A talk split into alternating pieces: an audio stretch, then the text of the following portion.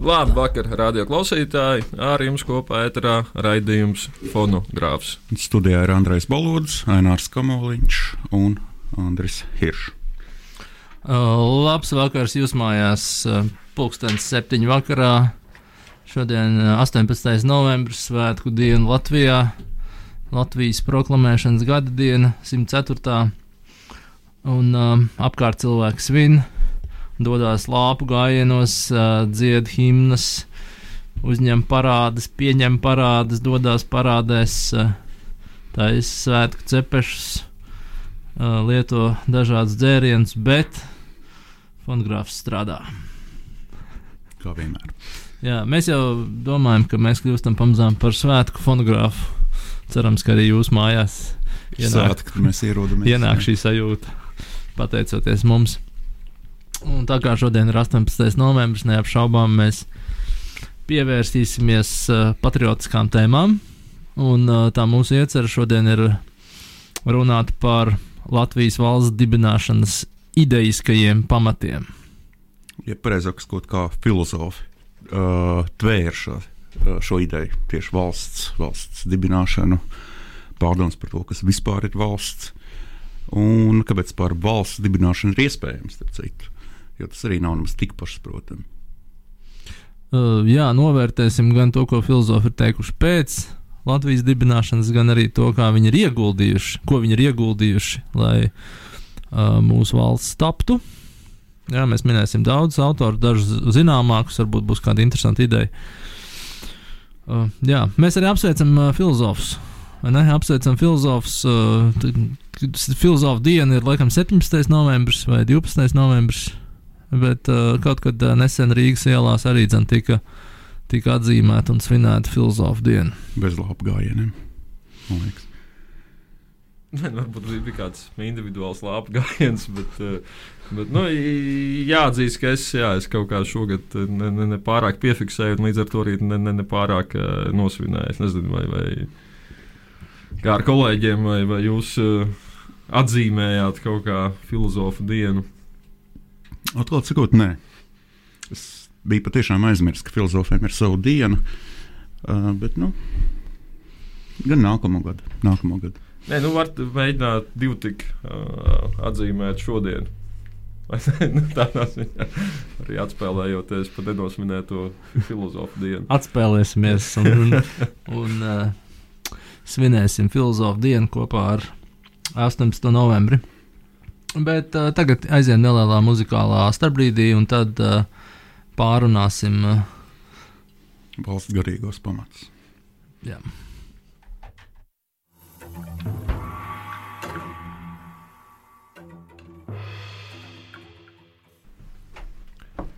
Fonogrāfs ir atpakaļ ēterā. Jā, ja nu gadījumā jums šajā svētku vakarā ir vientuļi un uh, gribās ar kādu parunāt, mēs esam vienmēr gatavi uzklausīt jūsu zvanus, idejas, emocijas. Tālruņa numurs studijā 67, 22, 99, 86. Jā, un šobrīd es domāju, mēs varētu pievērsties jau piesauktajiem Latvijas valsts tapšanas garīgajiem, idejiskiem pamatiem. Jo valsts gal galā ir kaut kādā ziņā tā ir ideja. Nu, ne? cilvēki darbojās, nodarbojās ar ekonomiku, tur strādā, izglītojās, cīnās, bet tā vispamatā ir ideja. Tāpēc mēs kā filozofi runāsim par idejām. Nu, galvenais ir saprast, no kurienes ideja vispār ir, kur ir idejas sākotne. Jo, piemēram, ir ļoti daudz domātāju, ceļš 20. gadsimtā, kas visu laiku meklē sākotnes. Un uh, nav gluži tā, ka Latvija parādās vienkārši 18. gadā. Lai tā varētu parādīties, bija jābūt idejai, un tā idejai ir kaut kur pats pirmais punkts, kur tas ir sācies. Jā, izla... es pieļauju, ka tā, tas varētu būt negaidīti, jo parasti uh, skolās māca par uh, uh, jaunatviešiem, par slaveno Valdemāru gājienu Pēterburgā, kur pieliek, ka viņš ir latviečs un tam līdzīgi. Uh, bet iespējams tā nav īsti taisnība. Jā, nu. Uh, es Nesaku, ka tas ir uz visiem 100%, bet vismaz man tā liekas, izskatās, ka pirmais uh, filozofs, kurš uh, gan savos rakstu darbos, gan publiski uh, uzstājās un aizstāv ideju par Latvijas valsti, droši vien kā Ainārs minēja, iespējams, kādam pārsteidzošā kārtā ir Bakūņins. Uh, viens no krievu anarchisma pamatlicējiem, tēviem, droši vien arī tā varētu teikt. Es domāju, ka ne tikai krievu. Faktiski tāds, jā, jā. Uh, viņš ir viens no centrālajiem anarchisma vairāk, nu, Prudons vairāk būtu frančiem, droši vien varētu jā. teikt, ja mēs tā mēģinām, nu tad Bakuņi. Prudons būtu vairāk sociālists, teikt, bet, nu, tāds anarchists, anarchists, man liekas, parasti tiek asociēts ar Bakuņinu. Viņš bija tik uh, savā anarchismā radikāls, ka pat Marksam viņš sāka nepatikt vienā punktā, lai arī sākumā viņi tā kā nedaudz draudzējās. Un tad ir jautājums, jā, ko viņš tādu pateica. Jā, tas liekas jocīgi, vai ne? Jo uh, uzreiz klausītājiem domas radās par to, ka anarchists vai ne, un anarchisti parasti iestājās par to, ka vispār valsts nav vajadzīgs. Tad, uh, ir interesanti, ka. Viņš... Nē, nu, bet būtu atšķirība valsts vai noteikti veida valsts pārvalde. Tā ir atšķirība. Jo, ir piemēram, dažādi anarchismi. Nu, tiesa, ties, varētu būt nacionālistiskais anarchisms. Ja, tur, ka... Jā, bet nu paklausīsimies, kas, kas, kas tad Bakuņinam ir sakāms par uh, Latviju.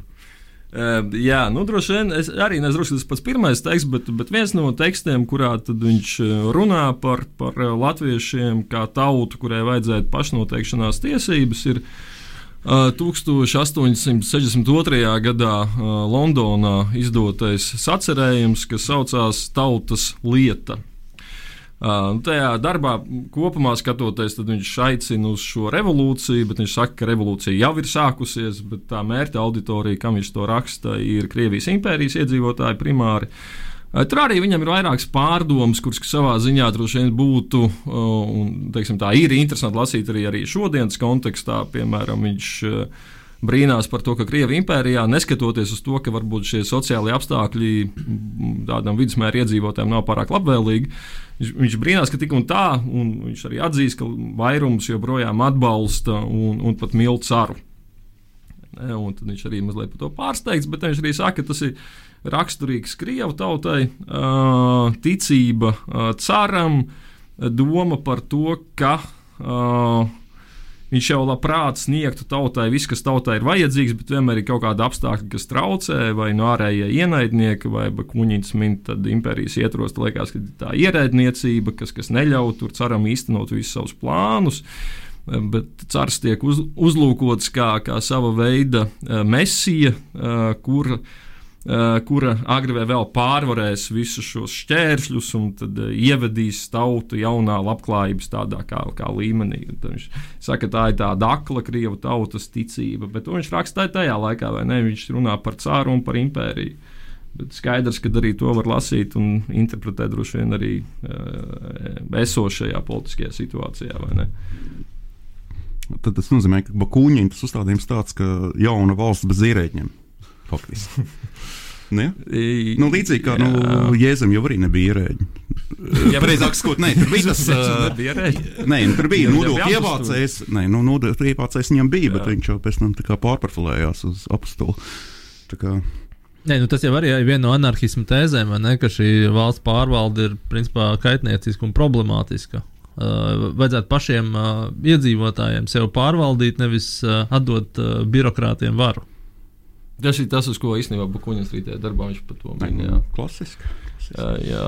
Un, un, un tad viņš arī nu, mēģina raksturot esošo situāciju. Krievijas impērijas ietvaros, ka tā impērija mēģina izvērsties, izplesties, un ka viņi ir iekļāvusi sevī dažādas tautas, bet savukārt šīs tautas aizvien vairāk sāk eh, pretendēt uz noteiktu veidu patstāvību, un līdz ar to impērija lēnām sāk brukt kopā. Un Bakuņins saka, tas ir ļoti labi. bet viņiem ir kaut kāda tautas definīcija. Nē, tik, es saprotu, arī tajos vairākos tekstos, kurus skatījos, nē, viņš tam, tam īsti viņš, viņš nepievēršas. Nav tā, ka viņš vienkārši kaut kāda kopiena. Naroda, jā, naroda viņš lieto. Naroda, jā. Uh, un tad arī viņš saka, ka lūk, ir arī šīs tautas, kas ir poļi. Baltkrievi, Ukrāņi, Somi. Uh, Somi, Latvieši, kas tiecās pēc patstāvības, un tajā tekstā tā tad tautas lieta, viņš tā arī raksta. Uh, ka viņam arī šīs uh, brīvības ir jāpiešķir, proti, brīvību latviešiem. Tas ir tas, ko viņš vienbrīd šajā sacerējumā min. Bet, bet izskatās, ka vismaz tajā darbā runa nav laikam par politisko neatkarību. Tādā ziņā viņš runā par kaut kādu veidu jaunu savienību, tādu kā federāciju, kur būtu noteikta līmeņa autonomija. viens mesija, un tad. Bet joprojām, jā, tā kā politiski joprojām viņi paliek piesaistīti, piesaistīti pie. Pie Maskavas vismaz šķiet, ka tas ir tā, tā pozīcija, kur, kur viņš pauž tajā darbā. Uh, bet pāris gadus vēlāk, Pāris gadus vēlāk eh, Bakūņins uzstājas Ženēvā, tas ir 1867. gads, Miera un brīvības līga, eh, līgas rīkotajā eh, konferencē. Un tur jau viņš ir mazliet radikālāk noskaņotāks nekā, nekā tajā rakstā darbā, ko es tikko minēju. Tur jau viņš runā, ka uh, Krievija impērija lēnām brūk, un tas ir burvīgi, un tas visādā veidā, un to visādā veidā būtu nepieciešams uh, veicināt. Tās vietā jāizveido kaut kāda veida šī federācija, tautu savienība. Uh, ar piebildi, ka šajā jaunajā savienībā vajadzētu arī nodrošināt tiesības, iespējas tām tautām, kas vēlās izstāties no šīs savienības. Līdz ar to implicējot savā ziņā, ka latvieši varētu nu, sākam būt šajā kaut kādā savienībā, bet, ja viņi vēlētos, viņi varētu arī izstāties un iegūt, iegūt autonomiju. Jā, bet tad viņi iegūs šo autonomiju, tad uh, pieņemsim roci jaunu valsti, bet vai Bakūņins atbalstīt šajā valstī ir ierēģi? Vai arī, teiksim, tāda jauna latviešu valsts bez ierēģiem? Nu, bet domā, tad, bet kas tad būtu tiešā demokrātija? Nu, jā, Nu, Rīgā jaunās Atēnas. Un... Jā, nu, kā, jā, varētu mēģināt. Nē, nu, ir jau dažādi anarchismu veidi, vai ne, ko ir, arī jā, varētu iedomāties. Tas ir ierēģiņu anarchisms. ierēģiņu anarchisms, jā, izklausās ļoti labi. Viņi tā kā nekas, ne, nekas netiek uzraudzīts, vai ne? Šīs birokrātiskās funkcijas netiek veiktas. Neuzraudzīt un sodīt. Un tad es varbūt neliels citāts no, no tās runas, ko viņš šajā konferencē saka tieši attiecībā uz latviešiem. Proti, tātad Bakuņins. Es reiz pats dzirdēju, kā latviešu zemnieks teica, citāts: Mēs gaidām to brīdi, kad varēs no vāciešu galvaskausiem bruģēt plašu ceļu uz Rīgu. Citādi beigas. Lūk, valsts, kuru vācu prese mums raksturo kā vācisku.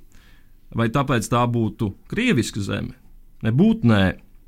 Sākotnēji padarīt par vācisku, vēlāk saskaņā ar iekarotāju vēlmēm, vadoties pēc nežēlīgas netaisnības un pārkāpjot visus dabiskos un cilvēciskos likumus, padarīta par krievisku. Taču pēc savas būtības, pēc šīs zemes iedzīvotāju instinkta un vēlmēm, tā nav ne vāciešu, ne krievu, bet gan latviešu zeme. Bakūņins. Un eh, jāatzīmē, jāatzīmē, ka jau vēlāk viņam ir viens neliels raksts, kur viņš arī īpaši šo tēmu neattīsta, bet garām ejot mīnu, viņš eh, tas ir darbs par vācu uh, rusofobiju, un tur viņš arī, nu, to pašu, ko jau es iepriekš tikko minēju, tajā, tajā citātā. Viņš, viņš, viņš to, lieto šo terminu rusofobiju. Jā, jā tas lieto gan. Skaidrs, no, no turienes tas jēdziens var būt. Ja? Domāju, ka tas ir. Ka tas ir Bakūņins izveidoja ne tikai Latvijas valsts, bet arī Krievijas to ideoloģisko to kodolu. Tas ir iekšēji pretrunīgi, jo nu, viņš kā anarchists droši vien neatbalsta šo carisko, bet, impērisko variantu, bet, jā. bet rusofobiju viņš pamana. Bet viņš ir panslāvis arī var just tajos tekstos. Nu, par to krievu misiju viņš runā, un es domāju, ka līdz ar to rusofobija jau tur ir jēdziens, kas iedarās droši vien tajā narratīvā. Kā iet tā krievu misija kopā ar uh, tautu neatkarību? Jo vienkārši nav impērisma. Saprotiet, mm -hmm. viņi tā kā, lai nemaisās Jā. tie latvieši, somiji viņiem pa kājām. Bet mēs, mēs taisīsim sev ideālo valsti, nu, tā kā savās robežās. Tad noslēgt. Jā, un tie pārējie liet, iet ar saviem ierēģiem un, un veid, veid, veid tās. Ierēģis uz Latviju, jā, izsūta. Nu, nu, jā, tas un... ir noticis. Man aizdoms. Tā kā varbūt no otras puses tie ierēģi no, no Eiropas ierodās un regulē mūs, bet uh, ierēģi Latvijā ir ieradušies. Tā mēs redzam, jā. Sveiciens ierēģiem, jebkurā gadījumā. Cerams, ka arī mūs klausās. Jā, un tad šajā nelielajā sacerējumā par vācu rusofobiju viņš min, jā, nu, ka krievi tā tad mēģina rusificēt, eh, vācieši mēģina ģermanizēt, bet tam nekādas nu, pozitīvas konsekvences nevarētu būt, jo latvieši Uh, latvieši sāka nicināt gan, gan vāciešus, gan, gan, gan krievus, bet reizē Bakuņins arī paredz, ka latviešiem, kā tomēr salīdzinoši mazai tautai, būs grūti nosargāt savu autonomiju ilgtermiņā. Un tam viņš nu, tādā domas eksperimentu līmenī min, ka varbūt vajadzētu izveidot kaut ko tādu kā Skandināvu, Skandināvu savienību, kurā iekļautos Igaunija, Latvija, Zviedrija, Dānija un Teorēģija.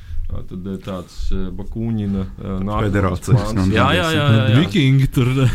Varētu, teiksim, mūsu, mūsu kuršu ķoniņi varētu šajā federācijā noteikti plaukt, jo viņiem būtu pārņemt ierēdniecības funkcijas. Jā, viņiem būtu tā etniskā tuvība ar skandināviem lielāka, viņiem būtu šīs kuģošanas tradīcijas, viņi valdītu par uh, Baltijas jūru, kas kļūtu par iekšējo kuršu jūru. Bet reizē arī nedaudz attālināti, kas arī ļauj būt tā kā, nu, taisnīga, būt taisnīgam ierēdnim. Jo, ja tas pārāk draudzīgās attiecībās, tad, jā, protams, ir. Nu, nu tādi skarbie ierēģi, vai ne? Nevis tur ar kafijām un uzvalciņiem, bet tādi skarbie, tādiem karcirviem. jā. Es domāju, pirms vēl muzikālās pauzes mums vajadzētu apskatīt, jo tā Andra tos lielisko stāstu par Bakuņinu stāstīja. Varbūt mūsu klausītājiem radās tāds priekšstats, ka nu, Latvija ieguva savu neatkarību nejaušības ceļā. Iespējams, tā arī bija. Bet es saredzu šeit divus spēkus eksternālo spēku, respektīvi Latvijas neatkarība ir uh, kaut kādā veidā iedota. Ne, ka ir kāds no malas, vai tur Krievijas impērija, vai Bakuņins, vai anarchists, vai, vai, vai apstākļu izmantošana. Jā, nu, kaut kādā nozīmē, jā, vai, uh, nu, protams, ir šis stāsts par uh, Ļeņinu, ko es domāju, mums ir jāpiemina, ka Latvijas uh, valsts iegūst neatkarību pateicoties uh, Ļeņinam, ka viņš uh, paraksta rīkojumu un ļauj izveidot šo valsti. Nu, šis stāsts tiek uzturēts arī noteiktās kopienās, uh, arī starp citu Latvijā. Ne, līdzīgi paralēli kā stāsts par to, ka Ļeņņņins izgudro Ukrainu. Jā, uh, jautājums, vai mēs varam kaut kādā vērā šo stāstu komentēt, un, um, un kāda bija Ļeņņņa motivācija? Ne, es pieļauju, ka viņam var būt ļoti patīkama. Tāda ideoloģiskā motivācija. Ideoloģiskā, es, es teiktu arī, varbūt, personiskā. Nu, viņš ieradās Rīgā, viņam uh, bija ļoti ērta gultiņa, un viņš iedomājās, ka. Nu, Bet mēs jau redzējām to gultiņu, Aināru. Viņa bija īstenībā ļoti maziņa. Nē, nu, varbūt nu, viņš bija. Pat nu, arī bija maziņš, tā kā krūķīts apguļās tajā mazajā gultiņā. Beidzot kāds normāli gultiņu uztaisīs, vai ne? Viņam nu, šķiet. Tā, un tur bija forša lampiņa, nu viss, viss kā vajag. Nu. Un viņš vienkārši iedomājās, ka jā, nu, Pēterburgā nav viņam tāds gultiņš. Bet ja tieši otrādi, tad jau viņam nevajadzētu iedot brīvību. Nu, respektīvi, viņam būs grūtāk līdz tai gultiņai tikt no Kremļa. Nu, varbūt viņš negribēja, lai krievi turisti tur guļ un tad attiecīgi jātaisa robežas. Jā. Nu, viņš tā kā domāja, ka latviešu tauta parūpēsies par to viņa gultiņu. Un, nu, joprojām rūpējās, joprojām tā gultiņa ir. Jo, ja komunisti pārņems vāru, tad atkal tur ieliks kaut kādas šīs lielās, lielās cara gultas un uh, no pēļiem. Jā, Nē, nu skaidrs, iespējams, ka Ļeņina plāni bija tālajošāki, nekā mēs to redzam arī 18. un 19. gadā, vai ne? Lielnieku iebrukums un tā tālāk. Restīvi, tur ir uh,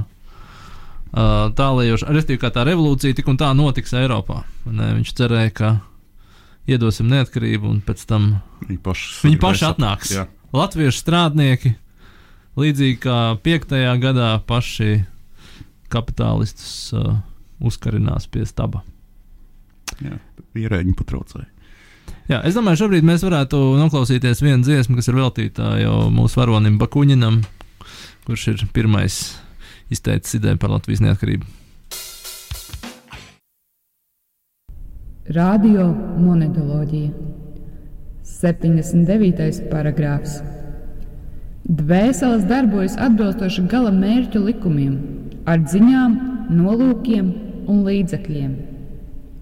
Ķermeņi darbojas atbilstoši darbīgā cēloņa vai kustību likumiem. Un šie divi valdošie spēki, proti, darbīgie cēloņi un gala mērķi, viens ar otru ir saskaņā. Fojē beidzot atgriezās pie apziņas. Viņam pirms tam likās, ka kādu laiku viņš bija miris, bet tad viņš savos sapņos saprata, ka viņš nespēja nomirt nemaz. Un pamostoties, Viņš gribēja ietvert kafiju. Ķermenis joprojām nekustējās. Viņš joprojām mēģina šo dilemmu atrisināt. Ja tu neesi birokrāts, klausies raidījumu fonogrāfs.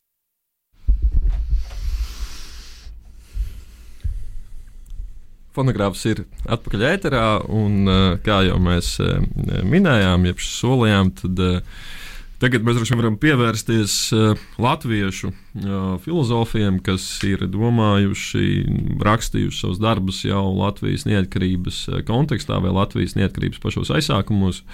Un domājams, ka tas pirmais filozofs, kas šeit būtu jāmin, ir Pēters Zālīts, vai ne? Latviešu kantists.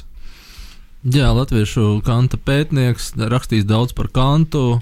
Ir pieejama arī monogrāfija par Pēteru Zālīti izdotā. Uh, Jā, man nesen šķiet, uh, salīdzinoši. Jā, tur kāds bija nosaukums, ka ne, laicīgie ideāli un kaut kas tāds. Uh, un jā, nu tā tad uh, Pēters Zalīts, viņš ir viens no tiem domātājiem, kur mēs arī minējām raidījumā, kad mums bija saruna par Pirmā pasaules karu un, un fronti un filozofiem, kas uh, nonāk fronts līnijās. Un tad uh, Zālīt ir viens no ļoti retajiem latviešu domātājiem, kas arī nonāk fronts līnijā. Proti, tad, kad Bermontieši iet iekšā Rīgā, tad Zālīt arī atrodas Rīgā. Uh, neskatoties jau uz diezgan cienījamajiem gadiem, viņš arī ir kaut kādā uh, rotā piekomandēts pie Rīgas aizstāvjiem.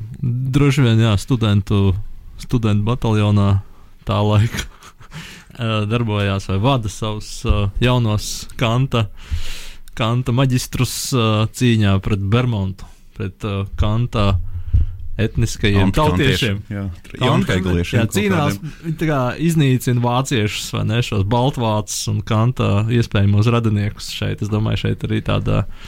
Š, nezinu, grieķiska traģēdija šajā zāliņu cīņā pret, uh, pret kanta radiniekiem. Tāpēc varbūt arī mēs to kantu brāļu kapu nevarējām atrast. Tā teikt, zālīts darbs. Jā, es domāju, viņi sūtīja noteikti pret, uh, pret, pret uh, attiecīgiem Arī vienībām. kantu brāļa galvaskaus ir uh, vienā no ceļiem no Balskas uz uh, Rīgu. Jā, kaut kur iemūrēts, jā, tur Jums liekas, ka tur ir kur. Ja jums liekas, ka tur ir bruģis, uh, tur vajag mazliet pakasīt, un tur uh, parādīsies kaut kas tāds balts pelēks. Jā, bet par Pēteru Zālīti eh, es arī skatījos, gatavojoties raidījumam. Un um, Pēters Zālīti man uh, jau 1905. gadā faktiski jau šīs idejas par Latvijas autonomiju kaut kādā veidā cirkulē.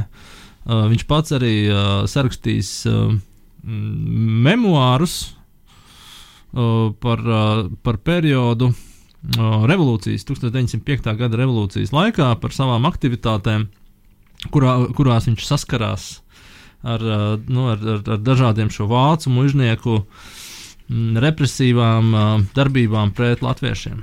Un uh, viņš pat ziņo uh, vietējiem gubernatoram, precīzi tagad nosaukt viņu vārdu. Sologups, jā, tas ir gubernators. Viņš ziņo, mm, raksta ziņojumu par nemieru cēloņiem Baltijā. Jā, un šajā, nu, šajā ziņojumā viņš arī minēja, ka, ka zemnieki nav apmierināti, latvieši nav apmierināti gan ar baznīcas lomu, gan ar mužnieku lomu, gan ar, ar to, ka uh, izglītības sistēma faktiski nav draudzīga, nav skolu, augstskolu, vidusskolu Latvijā, ko mēs arī zinām, ne, ka 20. gadsimta sākumā nav īsti augstskolas Latvijā. Uh, un līdz ar to latvieši atrodas šādā stāvoklī. Un, uh, nu, turpmāk mēs redzam, Zālītes viņš ir viens no tiem, kas ir stāvējis pie, pie Latvijas pašnoteikšanās idejas pamatiem. Viņš arī publicējis uh, darbu. Vēlāk, gan tas ir uh, 1923. gadā, kur viņš raksta par to, kā viņš šo ideju ir uztvēris. Un, proti, atsaucoties uz kantu, ja viņš saka, ka ikvienai tautai ir tiesības uz pastāvību un apvienību etnogrāfiskās robežās. Valsts forma pēc kanta visdabiskākā ir republikāniskā. Un suverēna šādā nacionālā valstī ir tikai pati tauta viņas griba, un nevien, neviena valsts pēc kanta nedrīkst iejaukties otras valsts uh, iekšējās darīšanās. Savukārt, nu, šis princips mēs redzam, ir šis uh, autonomijas. Es saprotu, ka autonomijas princips, bet uh, te uzreiz divi jautājumi, bet tur ir atkal tautas definīcija kantam. Vai tas ir vienkārši tā etnogrāfiski? Tā nozīmē, ka kantam jau ir ļoti Zālītēm, zālītēm ir etnogrāfiskā definīcija. Ja, jautājums, vai kantam ir uh, tautas definīcija? Man liekas, viņam ir, uh, ja, ja skatās tieši to antropoloģijas gadījumu, uh, tu dari par antropoloģiju, Jā. tad tas ir vairāk vai mazāk ir bioloģiski determinēts. Uh, tieši šis. Uh, kā tev uh, kaut kur saliek. Ja. Piemēram, tas balts, melns vai kaut kas Nē, nu, ja. es, es to arī uh, paturpināšu, ka mēs varam no zālītes uh, tekstiem arī nojaust. Ne, jo uh, Pēters Zālīts viņš arī ir pētījis dvēseli, un viņam ir darbs, kas saucās, uh, nezinu, vai esat lasījuši, tautu dvēseles, tautu dvēseli, kurā viņš uh, aplūko jā, tieši šo iespējamo tautu, tautu atšķirību un tautu robežas, šīs etnogrāfiskās. Uh, Sāk šo darbu viņš ar uh, ieskatu individuālās dvēseles konceptā, proti, ir individuālās dvēseles, tā ir tāda, tāda uh, ne, 20. Gad, 19. gadsimtā mēs vairs nerunājam par tādu aristotelisku dvēseli, bet mēs runājam, respektīvi, psihologi pēta tikai dvēseles parādības, izpausmes, fenomenus, uh, ne, kā mēs runājām arī iepriekšējos raidījumos par kilpi. Vai Ne, bet uh, problēma radās, uh, ko mums darīt. Mēs runājam, vai mēs varam runāt par tautas dvēseli? Un šī gadījumā Zālīte ņem tālāk Platonu un saka, ka valsts tas jau ir tāds viens liels cilvēks. Nekas cits jau nav. Līdz ar to arī šai valstī un ta, jā, tautai no ir. Platona viņš gan jau paņēma to pasaules dvēseli, nu, ne jau platonismu pasaules dvēseles iedzienu, bet uh, tas, ka Nu, valsts ir cilvēks, tas ir tāds jau viduslaika fantāzijas. Nē, nē, bet es domāju, tā, ir- tā ir atsauce vienkārši acīm redzama uz, uz to, nu, vai ne, Platona darba valsts, kur ir Ah. šīs dažādie sociālie slāņi, kas Jā, reprezentē vai pārstāv dažādas jā, daļas, vai tur jā. iekāras, vai, vai dusmas, niknums un saprāts, vai ne šīs trīs daļas, kas tā kā veido arī cilvēka dvēseli, viņas var analoģiski attiecināt arī uz valsts iekārtu. Droši vien, ka tas, tas, ko, tas, tas, ko Jā, jā, Zālīte es domā, domāju, ka jā. pilnīgi noteikti tā ir tā dvēseles un valsts analoģija, bet viņš turpina šajā tautu dvēselē ne, rakstīt par to, kā atšķirās dažādas tautas. Un, un līdz ar to katrai tautai līdz ar to ir sava šī politiskā virzība. Viņš ļoti daudz apraksta frančus un angļus. Uh, un, uh, viņam tuvāk šeit šī angļu, angļu tautas dvēsele. Tā ir tā darbīgākā, un tā ir mīl vairāk brīvību. Savukārt, frančiem viņš saka, ka tie mīl uh, vienlīdzību. Līdz ar to viņi ir tādi impulsīvāki, bet viņi fokusējas uz vienlīdzību. Nu, mēs varam ieraudzīt tādu ideoloģisku, varbūt tā aspektu, vai ne? Ir tas Nu, jā, bet uh, liberālisms jau cīnās par vienlīdzību. Tātad Jā, viņi jā. kaut kā cīnās par brīvībām noteiktām. Nu, mēs varam ieraudzīt, varbūt tā, nu, tāds liberālisms, klasiskais, vai ne, tur tāds loka. Un tad mums ir uh, no frančiem ir kaut kāds sociālisms ne, attiecībā uz šo vienlīdzību. Un viņš saka, no modernajām tautām zālīts saka, ka latvieši ir līdzīgi angļiem vairāk, un viņiem vajag būt uh, kā vadīties pēc šī parauga. Un Līdz ar to tā viena versija, kāds paraugs Latvijai, kā, uh, kā autonomai valstī, jā, patiesībā sakot, uzreiz jāsaka, viņš nerunā par uh, atsevišķu pat republiku, viņš runā par uh, autonomiju pēc Austrālijas parauga. Proti, Austrālija ir uh, paraugs Latvijai kādā veidā. Bet tur ir citi geogrāfiski apstākļi, Bet- man liekas. Bet tad nevis Anglija, tad vairāk. vai Nē, nu kā, Anglija tā pēc dvēseles līdzības, bet kā Bet, bet, bet, bet politiski. starp citu, Nē, skaties, nu, vienkārši uz Austrālu aizsūta visus tos noziedzniekus. Un... Brexit, starp citu, varētu apliecināt mazliet zālītas tēzi par angļu tiekšanos uz brīvību. Ne? Ku- Kurš? Brexits. Autonomija. Nu, Jā, jā. Lielbritānijas izstāšanās, vai ne? Tādā ziņā arī tāds varbūt apliecinājums šai tendencē, par ko zālīte runā. Ja, pilnīgi, jā, pilnīgi noteikti. Nu, tā Austrālijas paraugs nu, tā nozīmē, ka Austrālija kā kolonija, bet viņi pārvalda paši sevi un faktiski ir autonomi. Tajā nozīmē, nu, tur tās robežas arī nav. vai ne? Tikai, Kas tikai, mūs pārvaldīja? Jā, nu, tur tas jautājums, vai ne? Bet uh, nu, šī gadījumā tā autonomijas ideja tieši tādā veidā izskan. Ne? Un, uh, patiesībā, ja mēs tā kā domājam politiski, filozofiski, tad autonomija nav tas pats, kas uh, suverenitāte vai ne? Ko- Jo mēs šobrīd esam suverēna valsts. Uh, Bet autonomija ir tas, ka mēs varam kā, paši sev savā valstī noteikt likumus, bet mēs neesam pilnībā neatkarīgi. Jā, bet es vairāk man pirms tam bija jautājums, ka teica, ka autonomija iet kopā ar to neiejaukšanos. Ja, piemēram, Tas ir Kants. Nu, tas ir Kanta, Kanta bet, ētika. ā, Bet vienalga, nu, mēs varam iejaukties cilvēka autonomijā, ja mēs redzam, ka viņš pats sev nodara pāri. Piemēram, ja. Tur, nezinu, lieto narkotikas, un tad, attiecīgi, viņi sūta uz slimnīcu. Tad latviešu autonomijā vajadzētu iejaukties tad, kad viņi nodara sev pāri. Nu, vai arī nodara savā iekšienē kādam pāri. Nu, jā. Jā, bet tā ir mūsdienu, man liekas, kā. paternālisms, ne tāds, nu, tā, Nē, zin, tas ir. Tāpēc tu nedaudz tāds, problemātiski, jo dažreiz jau vajag iejaukties, ja redz, ka tiešām kaut kas slikts notiek. Bet es domāju, mēs. Denatificēt, ja kā tur daži saka. Nē, nē, bet es domāju, tādā pozitīvā nozīmē mēs to arī redzam modernajā pasaulē un, un globālajā pasaulē. Nu, ir kaut kāda tur, uh, globālas organizācijas, tur iejaukšanās, korup, pretkorupcija, un kas ir jau pārvalstiski. Ja kāda valsts jau nodara pāri, tad par viņu paternālistiski arī parūpējās. Es domāju, mēs arī esam bijuši šajā paternālistiskajā modā. Bet, jebkurā gadījumā, man jā, likās šis zālīts stāsts par tautu dvēselēm. Protams, tur bija daudz arī dažādu šo rases aspektu. Viņš daudz raksta par rasi. Tad tādā nozīmē varbūt arī tu kantam. Ja jau tur ir tas bioloģiskais zālītam pilnā mērā savijās ar uh, ar, uh, ar kultūrālo.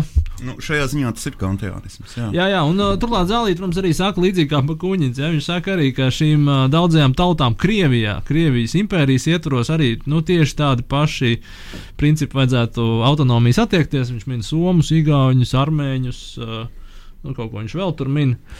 Uh, nu, kā negatīvo momentu viņš min tas, ka nu, nāk tie uh, krievi, ne, un nāk kazaki un uh, čerkesi, laikam, kā kā tie, tie kas apspiež, vai ne latvieši, mēs zinām to melncimtnieku kustību un vispārējo. Ne, tad, uh, par kazakiem un čerkasiem viņš neizsakās, ka tiem vajadzētu autonomiju. Tie, tie tur paliek.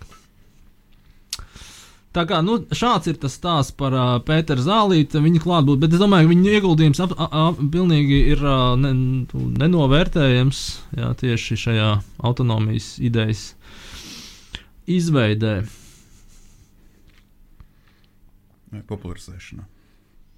Jā, bet viņš ir stāvējis, stāvējis ļoti tuvu. Viņš ir bijis šajā Latvijas Demokrāta partijā, kurā bija arī starp citu Daglaus un, un vēl citi uh, ievērojami personāži. Un, nu, tur bija viņiem, viņiem bija kontakts arī ar, ar Krievu, uh, Krievijas impērijas to, to pārvaldi. Tādā ziņā tur šī ideja arī ierēģiem. Ja? Jā, šī ideja uh, virzījās uz, uh, uz priekšu. Jā, es domāju, nu šobrīd varētu mums uh, izskanēt kāda muzikāla kompozīcija. Ja, sveiciens visiem zemesargiem. Ja. Jā, visiem uh, zemesargiem, uh, Latvijas aizstāvjiem, aktuālajiem, potenciālajiem fonogrāfu zemesargiem. es domāju, arī dzene, vai ne? Apsveiksim viens otru.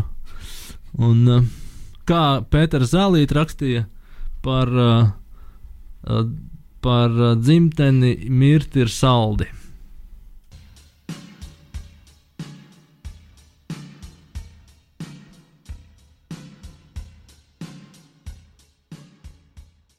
Pat domās, ka domās, ja tu vari fiziski labāk, to vajag īsti taisīt fiziski. Un es domāju, ka nu, pašā visiem interesanti. Es saprotu, tur šobrīd Andrejs risina telefonu, telefonu sarunu ar, ar kādu klausītāju. Cerams, ka būs jautājums, būs atbildes. Uh, jā, jā, nu, diemžēl mums ir vienkārši šobrīd mums ir tāda situācija, ka mums uh, uh, mūsu, mūsu DJs nav uh, studijā, tāpēc mums ir problēmas. Nu, vai jūs dzirdat mūs? Halo! Jā, dzirdu, dzirdu, dzirdu. dzirdu.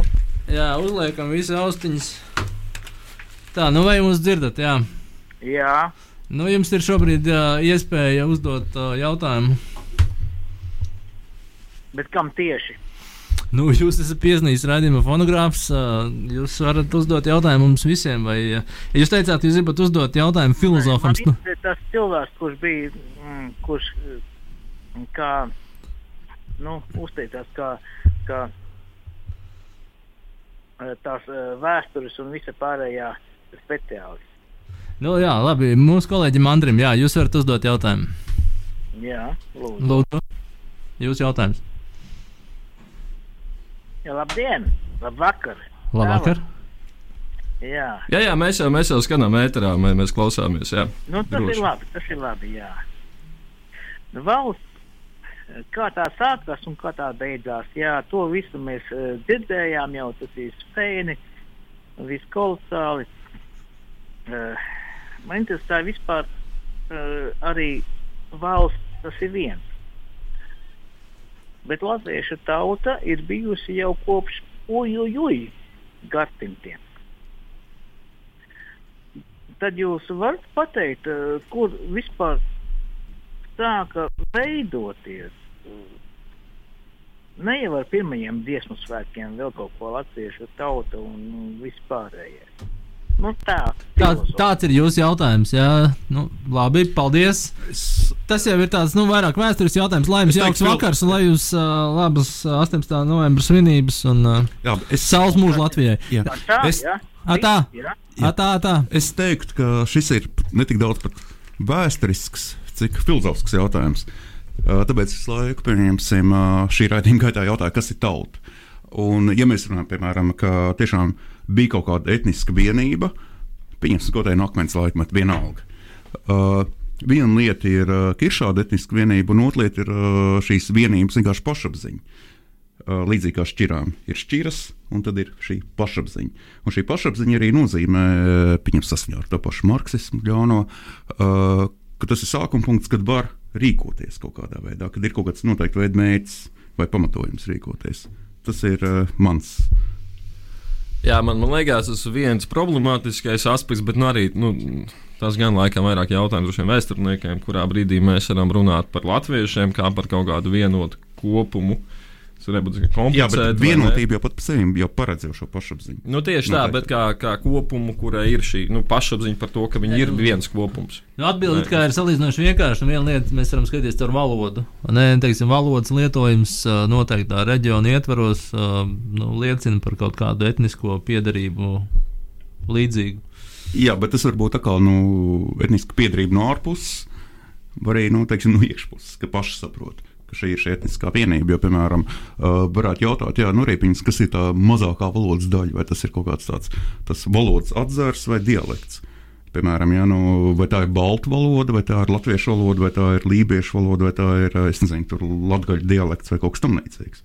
Tas viss ir kaut kā aiziet, bet tiklīdz, piemēram, rodas šī pašapziņa šai vienībai, tad mēs jau varam runāt par kaut kādu tautu.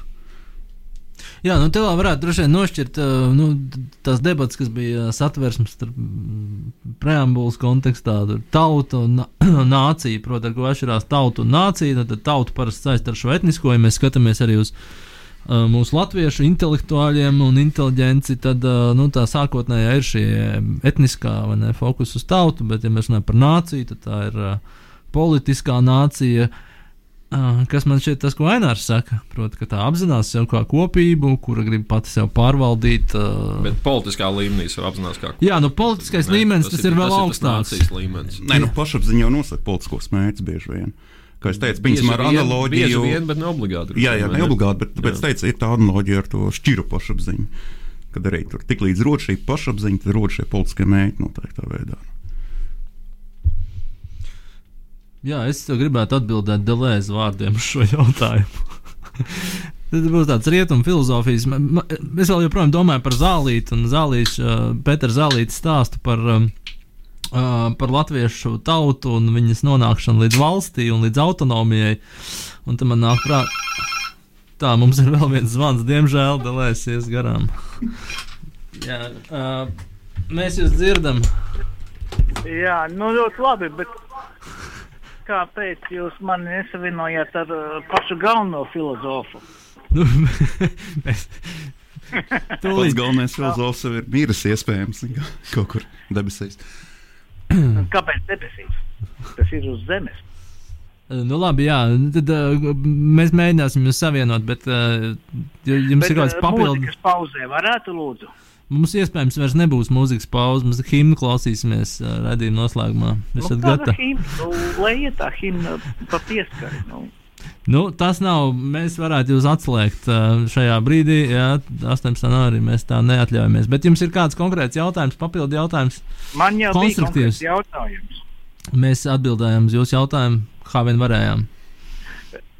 Atbildēja nevis. Uh, es gribēju vēlēties, uh, dzirdēt, uh, parunāties ar Nu, nosaucam visi, kas mums ir studijā. Es esmu Andrejs Balodis. Ainārs Kamoliņš. Andris Hiršs. Ar kuru jūs tieši gribat runāt? ar kamoliņu. O, mūsu īstais filozofs. Bet uh, jāatzīmē, ka Kamovičs tieši bija tas, kas visvairāk atbildēja uz to jautājumu. likās. Labi, es klausos. Nu, tagad jau ir mm, nedaudz ārpus sfēras, lai radio neskanētu par to Latvijas tautu kā tādu nāciju valsts, kad radās. Vai Kāda? netika tas noticis 12. gadsimtā, kad mēs pazaudējām? Jā, bet ko mēs pazaudējām tieši? Un jautājums, kas pazaudēja?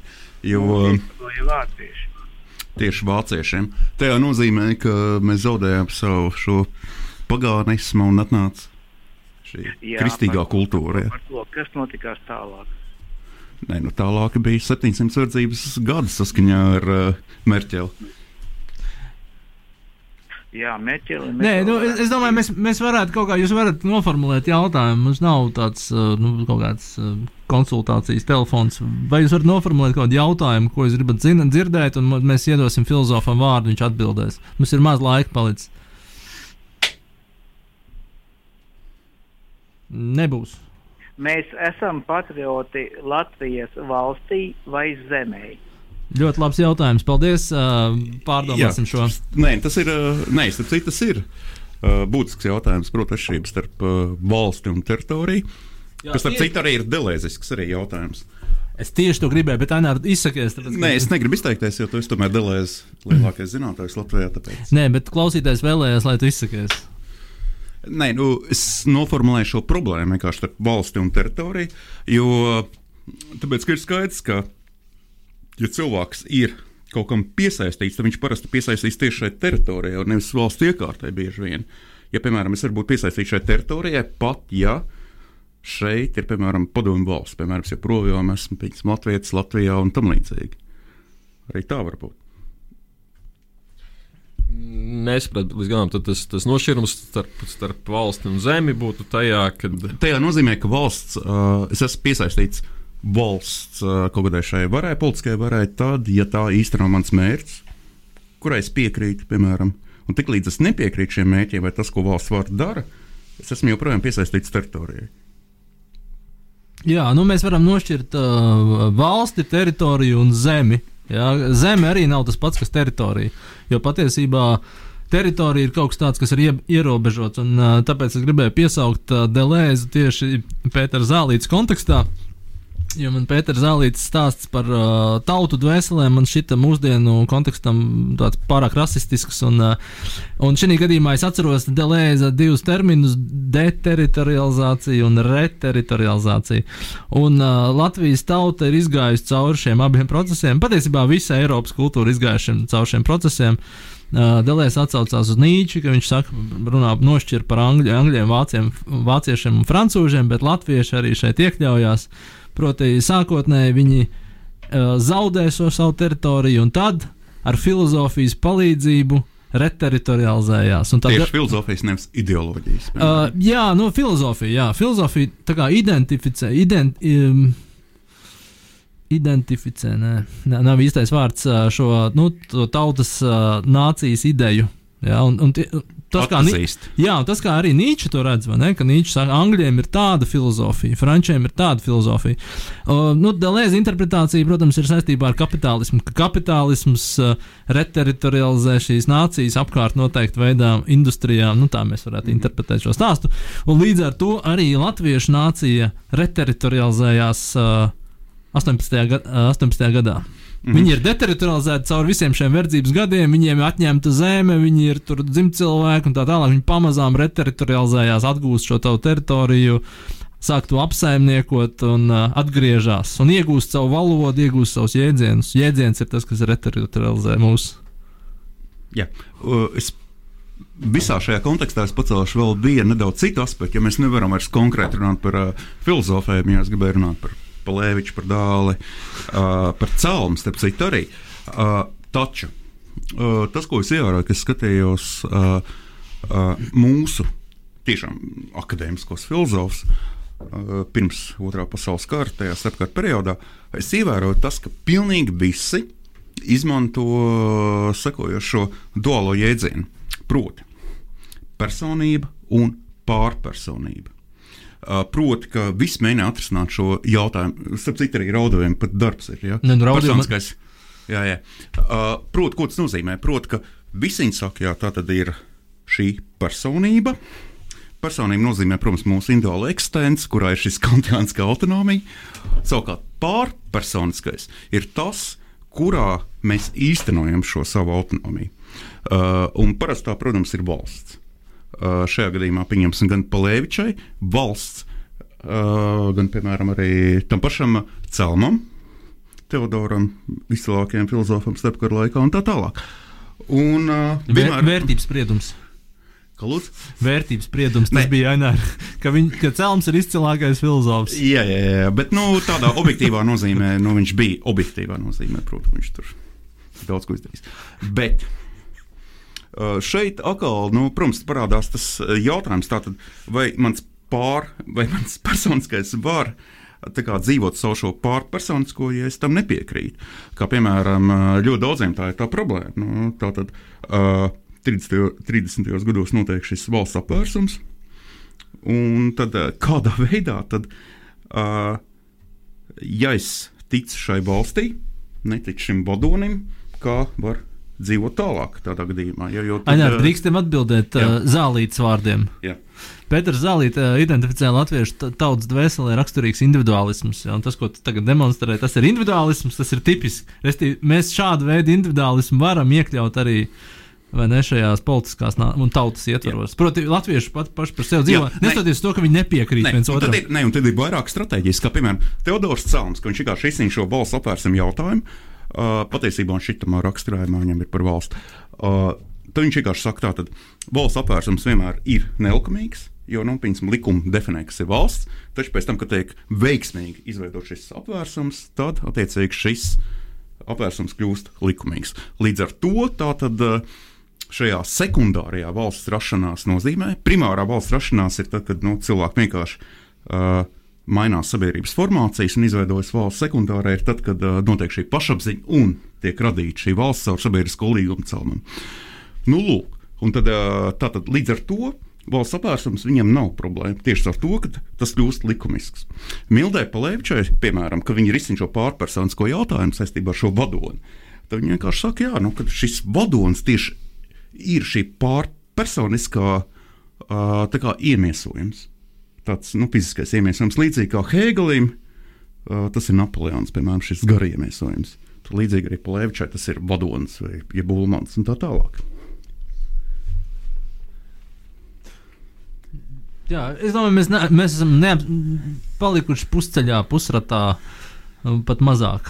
Uh, jā, Jā, nu, Jo val, val, politiskā filozofija, valsts tapšana, Latvijas vēsture ir uh, tāda neizsmeļama krātuve. Tur varētu tik daudz uh, idejas smelties. Un es tagad iedomājos, tu minēji sabiedrisko līgumu, un es domāju, kurš no latviešu domātājiem ir, teiksim, kontraktārismā piekritējis, un varbūt mums ir kaut kādi citi teorētiķi, kas domā citādi par valsts. Es domāju arī par zālīti, ko es pa, vai viņš vai ir. Vai viņš ir?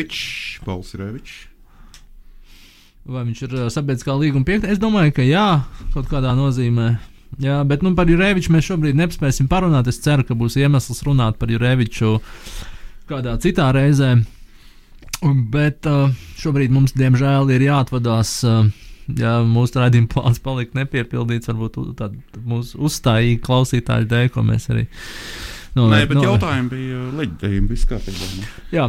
Uh, protams, uh, viss ir leģitīmi 18. novembrī, kas nepārkāp uh, cieņas principus un autonomijas principus. Galvenais ne, nepār, nepārkāpsim valsts autonomijas principus. To es aicinu jūs ievērot.